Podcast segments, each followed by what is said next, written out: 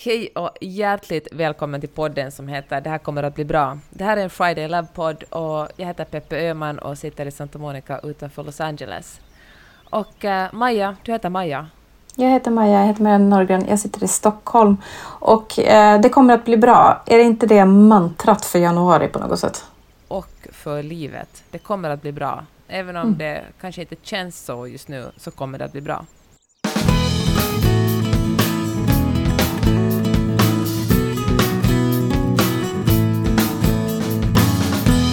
Hör vad ska vi prata om idag Peppe? Vi ska prata om eh, vad man ska göra när man känner att det kanske inte är jättebra just nu. Jag måste Maja berätta en grej som hände igår. Jag var ganska irriterad på en, eh, en jobbsak. Inte på dig Maja. Mm. Gud, så passivt aggressivt att ta upp det så här i podden. Exakt. Men en, en annan sak som, som, har, som har med jobbet att göra. Och eh, samtidigt medan jag gick och var liksom, jag tog en promenad med min man och så gick jag och pratade med den här saken och då fick jag ett meddelande på eh, en WhatsApp-grupp som jag mot min vilja har blivit insugen i, där andra mammor i, i ett av mina barns skola pratar om bland annat vaccin och det kommer fram att de inte tror på vaccin. Mm. Och eh, då på något sätt rann min frustration från, jobb, från jobbet över till den här gruppen och jag kände bara så här, nej, det här behöver jag verkligen inte i mitt liv. Jag, jag liksom, nej, för jag har liksom varit med i den gruppen lite av artighetsskäl och för, och för att man ser på WhatsApp väldigt tydligt när någon går ur gruppen. Det står väldigt tydligt sådär, Peppe has left the group. Men då kände jag, nej, det här, ska jag, det här behöver jag inte i mitt liv. Jag är tillräckligt irriterad som det. Och sen började jag gick ur den här gruppen och det var så skönt. Jag fattar inte varför jag inte gjorde det tidigare. Den ger mig ingenting annat än irritation. Mm. Så, och jag kände mig friare på så många sätt. Bra gjort. Bra gjort att du omvandlade någonting som du kände frustrerad av och tog en handling så att det, någonting händer. Jättebra. Det tycker jag vi alla kan inspireras av. Att titta på vad är det som händer just nu som, där det finns en massa frustration. Och, och ställa sig helt enkelt frågan, finns det någonting jag kan göra för att påverka den här situationen? Är det någonting jag kan dra mig bort från? Är det någonting jag kan säga till om? Är det någon gräns jag behöver dra? Hur mycket tid det får ta eller hur mycket energi det får ta? Eh, att man gör någonting åt situationen. Bra gjort Peppe! Ja, tack snälla. Jag har tänkt mycket på det att göra någonting, för att ofta är det, för mig är det så här när jag mycket gör är ganska irriterad, då tror jag att om jag bara, om jag bara biter ihop och arbet, arbetar mig igenom det, då kommer jag ut på andra sidan som en bättre människa. Alltså rent konkret kan det vara så här att eh, jag vaknar på morgonen i sängen och så märker jag, lyfter jag min telefon, för jag sover ju alltid med min telefon, och så märker jag att det kommer en massa meddelanden och så börjar jag genast svara på dem, för jag känner så här att om jag, om jag bara svarar fort på dem så då har jag gjort det och då är jag fri. Men det är ju verkligen en sån illusion. Alltså svarar man på någonting, det betyder ju ofta bara att det kommer ett annat, då får man liksom en till förfrågan som bumerang. Det är ju sällan så att man svarar på ett mejl eller ett WhatsApp-meddelande och så är diskussionen slut där, utan det bara en, du har bara varit en del i dialogen. Och jag tänker att jag måste komma bort från den tanken kring att om jag bara sköter det här nu så blir det bättre sen, för att mm. äh, det blir bättre sen om jag tar kontroll över situationen istället och verkligen funderar på vad jag ska göra och hur jag ska göra det istället för att göra skjutsa, liksom göra det så fort som möjligt, för att så mm. fort som möjligt är sällan den bästa lösningen. Absolut. Hörru, nu när du säger det där så reagerade jag ju faktiskt på att jag fick meddelanden från dig väldigt tidigt idag. Mm.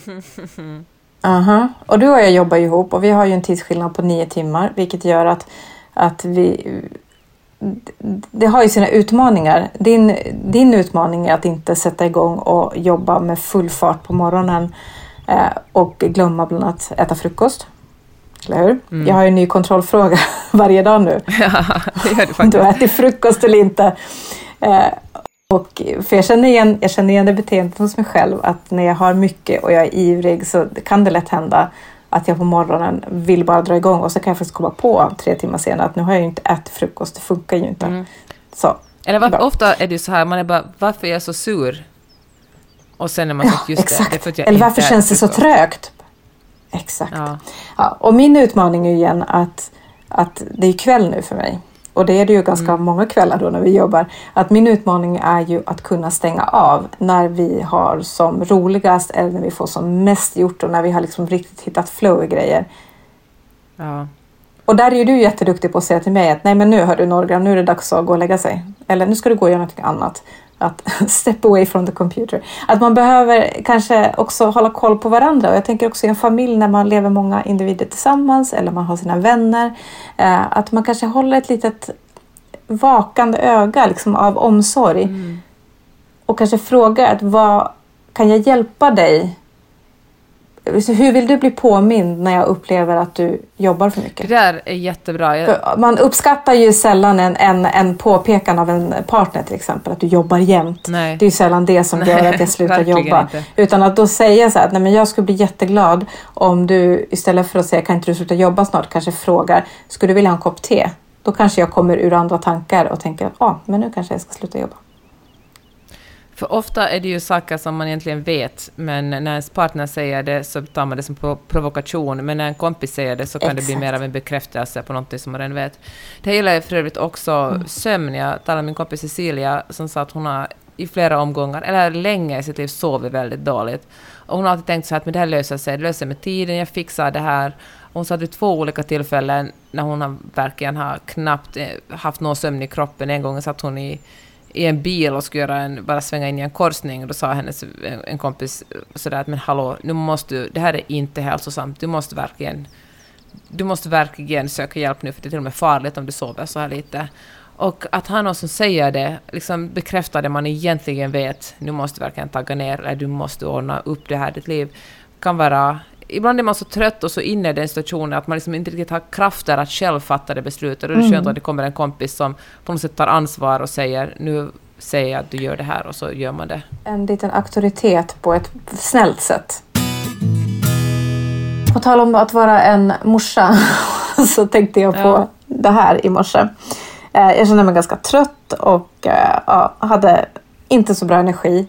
Och eh, tänkte på igår eftermiddag när min dotter kom hem, min 11-åring kom hem och hade varit hos tandläkare och dragit ut en tand och hon var så skruttig som man är när man har fått en tand, ja. en mjölktand utdriven. Och ledsen och trött och hade ont och sådär. Och då, då vet man ju, om man har hängt med det här barnet i 11 år, ungefär vad som funkar för henne. Mm. Så då så här, men sätta på pyjamas, krypa ner i en säng, sätta på musik, dra fram lite fryst mango och så här, mm. nu ska du mm. bara ligga här. Ja. Och hon blev ju, det var ju vad hon behövde, det visste hon ju själv också. Och då kände jag i morse att ja, nu skulle jag behöva vara en morsa åt mig själv. Och liksom lyssna in vad, vad det jag behöver just nu. Och i mitt fall så var det faktiskt att eh, ja, gå och basta. det var det jag behövde idag så jag gjorde det. Åh, oh, vad underbart. Eh, Nej men det var jättebra. Men det är inte alltid det och det är inte alltid man har möjlighet att gå och basta mitt på arbetsdagen. Det ju, fattar jag också. Men ibland så kan det vara att nej, men jag kanske behöver ta en promenad eller jag kanske behöver lägga mig på soffan en stund. Eller jag kanske behöver avboka ett möte som jag egentligen kan göra en annan dag för att ge mig själv lite mer lugn. Eller, eller någonting annat. Jag kanske behöver gå, jag kanske behöver springa ner och köpa en kopp jättegott kaffe eller sätta mig och scrolla på Instagram en kvart. Det är kanske det jag behöver. Ja. För att man tar ett sånt ansvar för sig själv och tar hand om sig själv lite en stund. Vet du vad jag tänker när du säger det där? Att um, nu närmar sig internationella kvinnodagen och då kommer folk på sociala medier att dela sådana här bilder och texter där det är så här till alla starka kvinnor jag känner. Grattis, du är en stark kvinna, du är en stark kvinna och må dina döttrar bli starka kvinnor. Och jag tänker att det där att vara så himla stark och duktig hela tiden, det är en... Eh, ja, men jag vet faktiskt inte om det är en så bra sak. Jag, jag, det provocerar mig alltid lite, för jag tycker att... Eh, jag tror att det kör många kvinnor in i väggen, att man ska vara en hjälte hela tiden och ta hand om alla andra och samtidigt eh, nu vara vältränad och uh, snygg och en, göra succé på jobbet och en jättebra förälder. Ett, liksom, jag vet jag skulle vilja hylla alla svaga mammor som ligger på soffan och kollar på åtta avsnitt av Fab Five en vanlig tisdag. Alltså, mm. det tycker jag ska vara en lika mycket av en målbild som att uh, som den bilden som delas på internationella kvinnodagen. Jag menar, jag vill komma bort från verkligen det här med starka kvinnor och ha folk som... Och ibland mm. liksom vara sin egen morsa. När du sa det där tänkte jag förresten på min svärmor, när vi kommer till Stockholm brukar min svärmor ta hand Mm. om mig. Hon liksom lagar frukost åt mig. Och det, jag liksom skäms nästan för att säga Ja, det, men men det är så du. fruktansvärt underbart. Alltså jag stiger, staplar upp på morgonen så hon kokat ett ägg och liksom kokat kaffe och sitter och småpratar och läser tidningen. Och det där att bli ompysslad, det är en så fruktansvärt fin känsla. Alltså det är så underbart att man måste ibland bara få släppa ner axlarna och, och ha någon som tar hand om en. Det behöver ju inte vara en svärmor, det kan ju till exempel vara ens man också. Och det får man väl, om man vill ha det får man Mm. väl lov att kommunicera det. Eller ens barn. Det, eller ens barn. Ja men om, det, om man inte varken har man eller barn så måste man komma ihåg att, eller svärmor, komma ihåg att ta den rollen själv ibland. Verkligen Mm. pyssla om sig Ja, själv. men verkligen. Och komma loss från det där att vara en stark kvinna. Ja. Jag tänker att om man skulle skicka med någon liksom uppmaning nu då i det här avsnittet, vi brukar göra det ibland, så kanske fundera på en sak som, som är frustrerande nu som man skulle kunna pausa. Det kanske är ett, ja, men det kanske är ett beslut man ska fatta eller någon ny, något nytt träningsprogram som man har bestämt sig för att börja men att det inte finns energi just nu. Eller det kanske är någon relation som, som tar eh, mycket energi som man kanske inte vill avsluta men man kanske behöver bara pausa lite.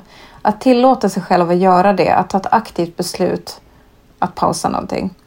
Och sen att man funderar på en sak som gör att man mår lite bättre. Som kan vara en quick fix för bättre mående. Det kan vara att krypa och lägga sig klockan eh, åtta på kvällen redan med en hög med böcker. Eller att inte stiga upp på morgonen så tidigt. Eller ta en promenad när solen skiner. Eller gå och köpa en glass fast det är januari. Det är faktiskt mer än okej vet att göra det.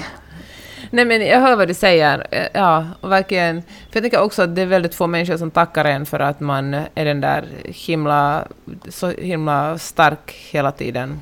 Det kanske känns bra i stunden men sen... Nej, tvärtom. Ja. Tvärtom tror jag. Att kunna säga lite oftare att hur, hur man mår och hur man känner sig på riktigt. Att det också bjuder in till andra att, att visa sig. Inte svaga, men kanske en sårbarhet. Men, men vet du vad som samtidigt också provocerar mig otroligt mycket? Och det är kanske för att jag gör det så sällan själv. Det, det är alltså min man, för att han har verkligen noll problem. Han bara...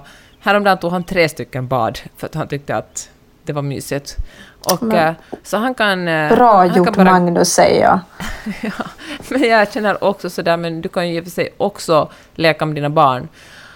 Alltså... Att, Ja, du tänker ehm, så. ja, så tänker jag. Och jag fattar, jag plötsligt unnar honom, på ett sätt unnar jag de, de här baden, men, men det provocerar mig också enormt mycket för att... eh, jag, och jag vet faktiskt inte om det provocerar mig så mycket för att, eh, för att jag ställer mycket högre krav på mig själv, eller uppenbarligen ställer jag också, än vad han ställer på sig själv. Jag ställer höga krav på mig och då i liksom samma veva ställer jag, ställer jag höga krav på honom också, medan han eh, ställer han mycket, alltså, han ställer mycket lägre krav på det mesta i livet.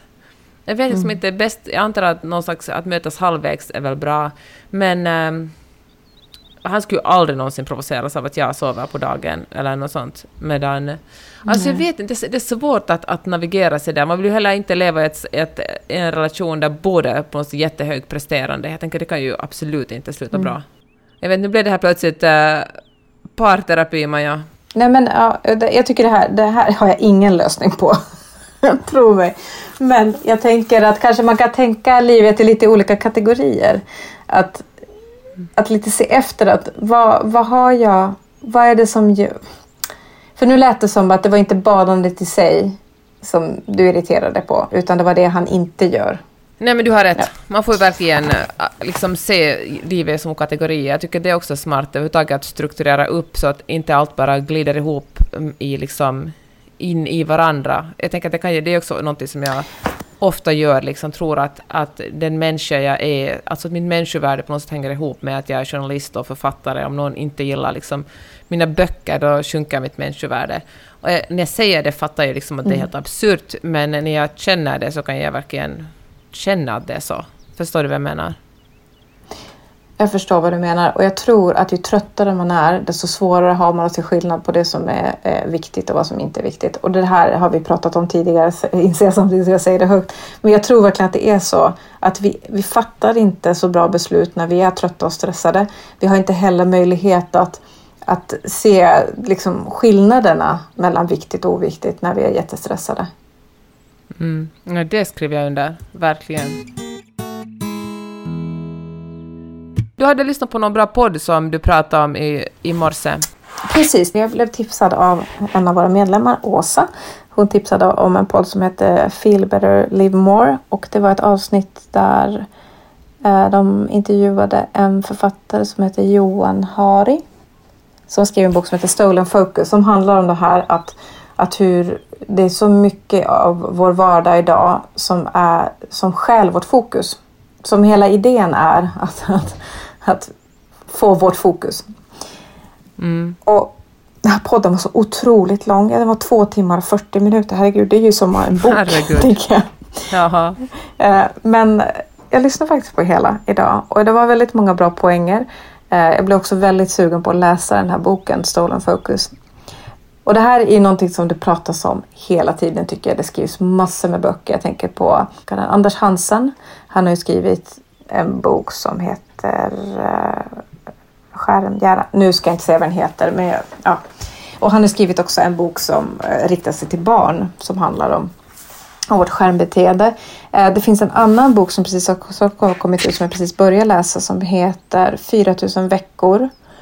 Ehm, och den författaren heter Burbank tror jag efter den. Brittisk författare. Och det handlar om att hur det har blivit så fel i samhället att vi det är precis det där du beskrev inledningsvis att du tror att genom att jobba snabbare så kommer du någonstans snabbare i mål. Men det tar ju aldrig slut så det är helt fel, helt fel tankesätt. Och, och de, här, de här tankarna snurrar hos mig väldigt mycket. Och det är ju så att just idag då när jag sa att jag haft en, liksom, en lite sämre dag, jag har varit väldigt trött. Eh, vet du vad jag ökar väldigt mycket när jag är trött? Ja. Mitt Instagram-kollande. Mm. Ja. Det är så lätt. Och Den finns eh, där så faktiskt alla tillgänglig. appar som går att öppna. Ja, alla appar som går att öppna. Det gäller också Dagens Nyheter, Svenskan, Facebook, alltså Twitter. Alltså alla. När jag är trött då hittar jag mig själv oftare med att direkt efter varandra gå in och kolla grejer. Visst är Det det, konstigt? vet du. Det där kan jag verkligen känna igen mig i. Alltså, jag kan verkligen tänka, ska jag läsa en bok eller ska jag bara kolla på sociala medier? Och då tänker jag så här, jag unnar mig att bara kolla på Insta och TikTok och, och DN-appen för den delen, också New York Times. Och för det känns på något sätt övermäktigt att eh, lyfta upp en bok, vilket är Mm. idiotiskt, för innerst inne vet jag ju att jag mycket, blir mycket, på mycket bättre humör om jag läser en bok istället för att eh, surfa omkring på sociala medier. Och jag vill Mm. också, jag, blir- det stör mig också att man alltid ska, alltså, jag tycker också om sociala medier och jag, jag tycker verkligen att det kan vara roligt och kreativt och inspirerande. Men, eh, men för att jag tycker att det lätt blir så svartvitt, man bara allt är skit med sociala medier. Det är också jättemycket kul med sociala medier, det måste man tycka. Men det som jag tänker på är just det du sa, att när jag är trött då stiger min skärmtid enormt mycket. Och så kan jag också bli eh, lite deppig när jag tänker på att jag jobbar för Instagram. För jag verkligen, när jag lägger upp bilder, tänker jag att jag gör det här, jag gör gratis jobb för Instagram. Jag liksom, jag är deras, eh, jag är inte ens anställd för jag får inte ens betalt för det. Jag liksom gratis jobbar för Instagram. Jag skapar content för Instagram och det gör mig väldigt olustig när jag tänker på det. Nej men precis. Och det var, det var faktiskt en sak som de diskuterade i den här podden. Att, att problemet i sig är inte sociala medier. Att det, är inte, det, det har ju massa positiva saker med sig. Men själva hur det är uppbyggt. Att du belönas. Alltså alla de här plattformarnas eh, intresse är ju att hålla dig fast så länge som möjligt. Och det är därför vissa inlägg syns mer. Det är därför liksom saker som gör dig arg kommer snabbare upp i ditt flöde. Eh, det finns ju en tanke bakom allt. Eh, och han sa den här författaren att, att för något år sedan så hade Netflix, någon director, sagt att Netflix största konkurrent är människors sömn. Nej men, Att det är de- väl åt vidrigt och då, ändå. då är jag så, och jag gillar Netflix, men jag blev så provocerad. För, och jag tänkte, så det första gången jag hörde det så tänkte jag att Fridays Labs största konkurrent är Facebook, Instagram och allt slöskrollande. Att det, det är vad, vad, vi ska, vad vi vill konkurrera om. Vi vill ju inte konkurrera om våra medlemmar eller våra följares sömn. Vi vill inte heller konkurrera om deras eh, tid med vänner, familj, hobbyn. Ingenting av det vill vi konkurrera med. Vi vill konkurrera med att erbjuda en plats där man kan få det här sociala, det här relationsbyggande, den här inspirationen.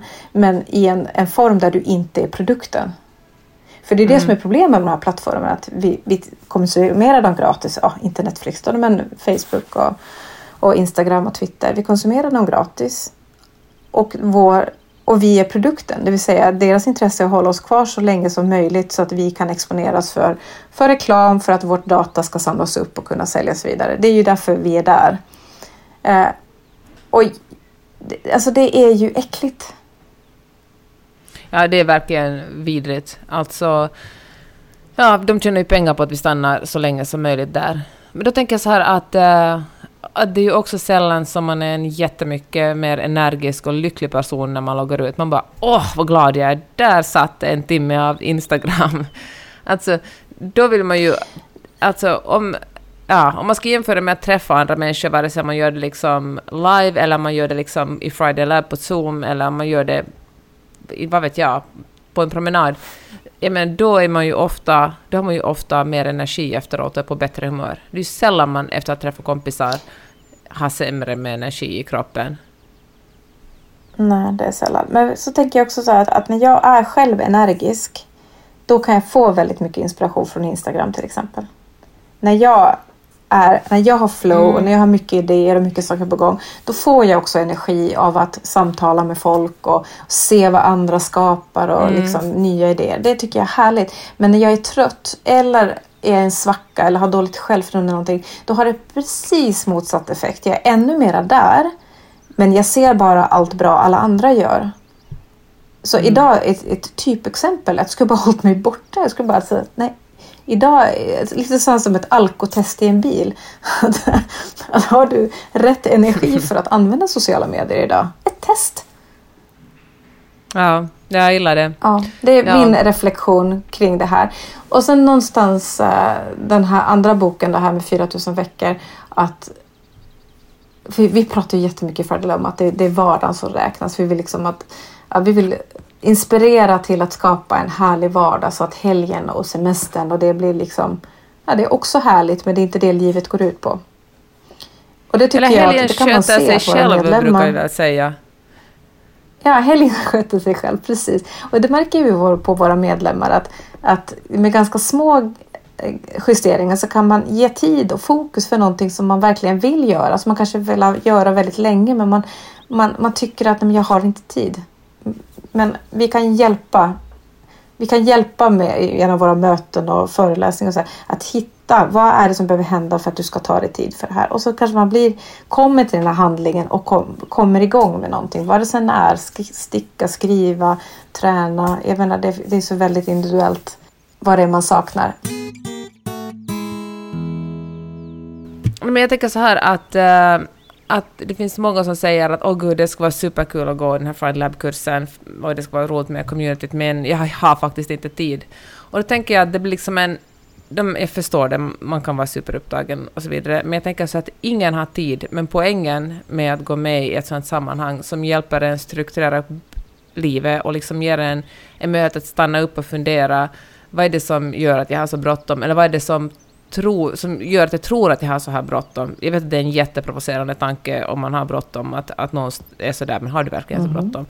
Men, ähm, men jag tänker att, äh, att det blir faktiskt en aha-upplevelse om man går med. Det är liksom inte så att det äter upp av ens tid, utan det ger en ofta mer tid när man bara får den där chansen att stanna upp och fundera, vad är det jag sysslar med på mina vardagar? Vad är det som gör att jag har, liksom lever med andan i halsen hela tiden? Och äh, det är, det fan inte så jättelätt att göra det alltid, men jag tror nästan, eller fan jag tänker säga att det är värt att göra det. Det är värt att stanna upp ibland och mm. verkligen fundera på att vad är det som gör att jag tror att jag har mindre tid än alla andra. Jag ska komma med ett väldigt konkret exempel på det här. Eh, ja. För våra medlemmar så ordnar vi varje månad en planalong eh, där vi träffas i 45 minuter och eh, det vi gör, det är inte någon rocket science, utan det vi gör är att vi stannar upp och svarar på några frågor om vad var det som hände förra månaden? Vad är jag mest stolt över? Vad har jag lärt mig? Och är det någonting jag vill ta med till nästa månad? Sen sätter vi ett fokus för den månaden som börjar. Eh, funderar ut några grejer som man vill fokusera på under månaden. Och sen summerar vi det. Och det är på 45 minuter. Där folk främst sitter och skriver själva. Och sen förstås delar vi lite i gruppen. Så. Eh, nu har vi gjort det här i två och ett halvt år. Tror jag. Och mm. många av, många, alltså det här är det enda de kommer på av alla grejer vi erbjuder. Så det här är liksom det, det heliga. Dyker upp månad efter månad för att ta de här 45 minuterna. Och vad som händer är att jag hör ju nu så här. Jag sa på planalongen i november att jag ska börja läsa och så har jag formulerat en rutin för det. Och nu har jag faktiskt läst rekordmycket i december.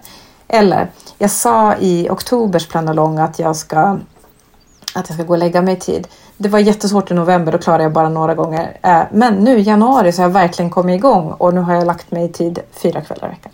Alltså sådana konkreta små saker som man själv har identifierat att det här är ett fokus. Eh, och så här ska jag göra det. Och så har man mig där som är lite jobbig och säger att nej men det där låter jättestort, låter som en stor förändring, kan du förenkla och göra det mindre?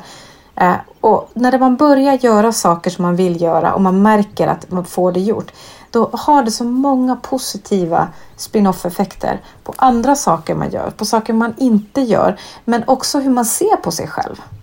Att jag är mm. en person som kan påverka min vardag. Jag är en person som klarar av att ändra vanor och göra på ett annat sätt. Det ger ett otroligt självförtroende att ta sig an andra saker.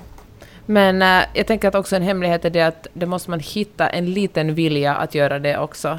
Och jag tänker att det kan också vara ganska läskigt. Alltså, jag tror att äh, man kan känna sig... Äh, man, man är ju trygg i det man har, även om det är bra och, och, alltså, även om det är dåligt till och med. Alltså man kan vantrivas men man, man känner åtminstone mm. till det. Och jag tror att det kan vara ganska läskigt att ta ett steg utanför det och testa på hur det också kan vara. Eller att man, det är svårt att hitta den energin, liksom att ta sig ur någonting som är ganska jobbigt. Men ähm, jag vill bara säga att det kan vara ah, det kan vara så värt att ta det där steget, att bara vara sådär att nej, nu trycker jag på paus, trots att det känns som jag absolut inte, som världen kommer att rasa omkring mig om jag trycker på paus. Men jag gör det ändå mm. och uh, ser vad som händer. Det är ju det att det är få saker som verkligen förändras, åtminstone av sig självt. Alltså, allt förändras omkring en, men att om man har valt en viss, eh, en viss väg att röra sig framåt på, så det sällan den vägen förändras utan att man själv gör någon sorts aktiva beslut. Nej, men så är det verkligen. Och ett aktivt beslut kan ju vara att, att testa på att bli medlem hos oss. Eller hur? Ja, det kan det verkligen vara testa på åtminstone. Vi släpper ju in uh, nya medlemmar mm. fyra gånger om året i Friday Lab Community, alltså vårt kvinnonätverk. Och uh, nu, i, uh, ja, nu har man en vecka på sig. Fram till den sista januari är det möjligt att ansöka om medlemskap. Vi har redan sålt ganska många platser. Vi tar in ett begränsat antal för vi vill bara att det ska komma in eh, det ska inte komma in jättemånga på, åt gången, för vi vill att folk ska åtminstone ha lite koll på, på sina med, medlemmar i nätverket. Vi vill växa långsamt. Så men vi har några platser kvar. Och då kan man eh, gå till fridlab.se och där hittar man vidare till all information om communityt och hur man ansöker. Så har vi också ett, ett businessnätverk för kvinnor som är en, eh, en tilläggsdel till Fridlab Community. Och i den gruppen så träffas vi ännu oftare, det träffas vi varje måndag. Och eh, ja, det är ett mycket bra ställe att vara på om man känner att man känner att man behöver inspiration och pepp av riktiga människor, människor som man känner ja, och nya kontakter. Friday Business Lab. Ja, Friday Business Lab. Där kommer man också via vår hemsida. Eh, så har vi en helt fantastisk grej eh, som vi har hållit på med ända sedan den här pandemin började. Och det är att vi har en digital coworking. Det är, det är nästan varje dag folk som sitter och jobbar tillsammans. Det är ett Zoom-rum som står öppet där man på morgonen checkar in och säger hej hej, vi, nu drar vi igång och så jobbar vi i arbetspass. Ibland 25 minuter, ibland 35 minuter och man kommer och går som man vill under dagen. Eh, men man har gemensamma pauser mellan de här arbetspassen och det är ett jättefint sätt att eh, ja, jobb, få hjälp att hålla fokus. För det är mycket lättare tycker jag att hålla fokus när jag vet att det sitter andra digitala kollegor också jobbar med sitt. Och sen har man en kort paus där man kan snacka av sig och lära känna någon ny människa eller bara ta en kaffe. Eller, ja, så. Det är jättetrevligt och eh, sker väldigt, väldigt frekvent därför att det har blivit så populärt. Mm. Folk skriver ju böcker också parallellt med varandra. Det tycker jag är så roligt att det finns ett, eh, ett skrivrum som träffas regelbundet och eh, sitter folk och skriver på sina respektive manus som handlar om helt olika saker. Men eh, bara den här vetskapen att någon annan står och skriver någonstans gör ju mm. att, eller så upplever jag när jag skriver böcker, jag skriver så mycket bättre när någon annan skriver i min närhet. Det är någon slags psykologisk mm. effekt. Nej men precis. Och det var ju en fråga som vi har ju haft ett skrivrum en tid redan. Men nu kom den frågan igen att hej, vi skulle vilja ha ett, ett skrivmöte varje torsdag morgon mellan 9 och 10. Går det att fixa? Och då, vi, vi fixar ju allt sånt förstås. Och eh, ja, så då är det de som har skrivprojekt på G, de träffas då en timme och sitter och skriver. Alltså det är inte så mycket snack utan det är fokustid. Och då vet man att då har man en timme i veckan bokad för sitt skrivande. Så mycket sånt har vi och det är väldigt härliga människor. Och eh, ja, så det tycker jag. Är det så att du känner att du vill ha lite nytt in i livet och kanske just få hjälp att sätta ramar och gränser så att du får mer av det som du skulle vilja ha, som du känner att det inte kommer naturligt, så är det här rätt adress för dig. Hörni, Maja, tack. Det var supertrevligt att tala en stund med dig och tack alla ni som lyssnar på den här podden. Jag hoppas att vi ses i Friday Lab Community och uh, åtminstone att vi ses uh, på sociala medier. Vad roligt att samtidigt som jag sa vi ses på sociala medier inser jag att vi har talat mycket om hur sociala medier äter upp en för stor del av vår vardag. Men saker och ting kan vara många saker. Vi finns både som Friday Lab och som Friday Business Lab ifall du är egen företagare. Så gå in och kolla där yes. och uh, kom ihåg att pausa ibland. Ja, bra. Tack för idag Peppe. Tack. Hej. Hej.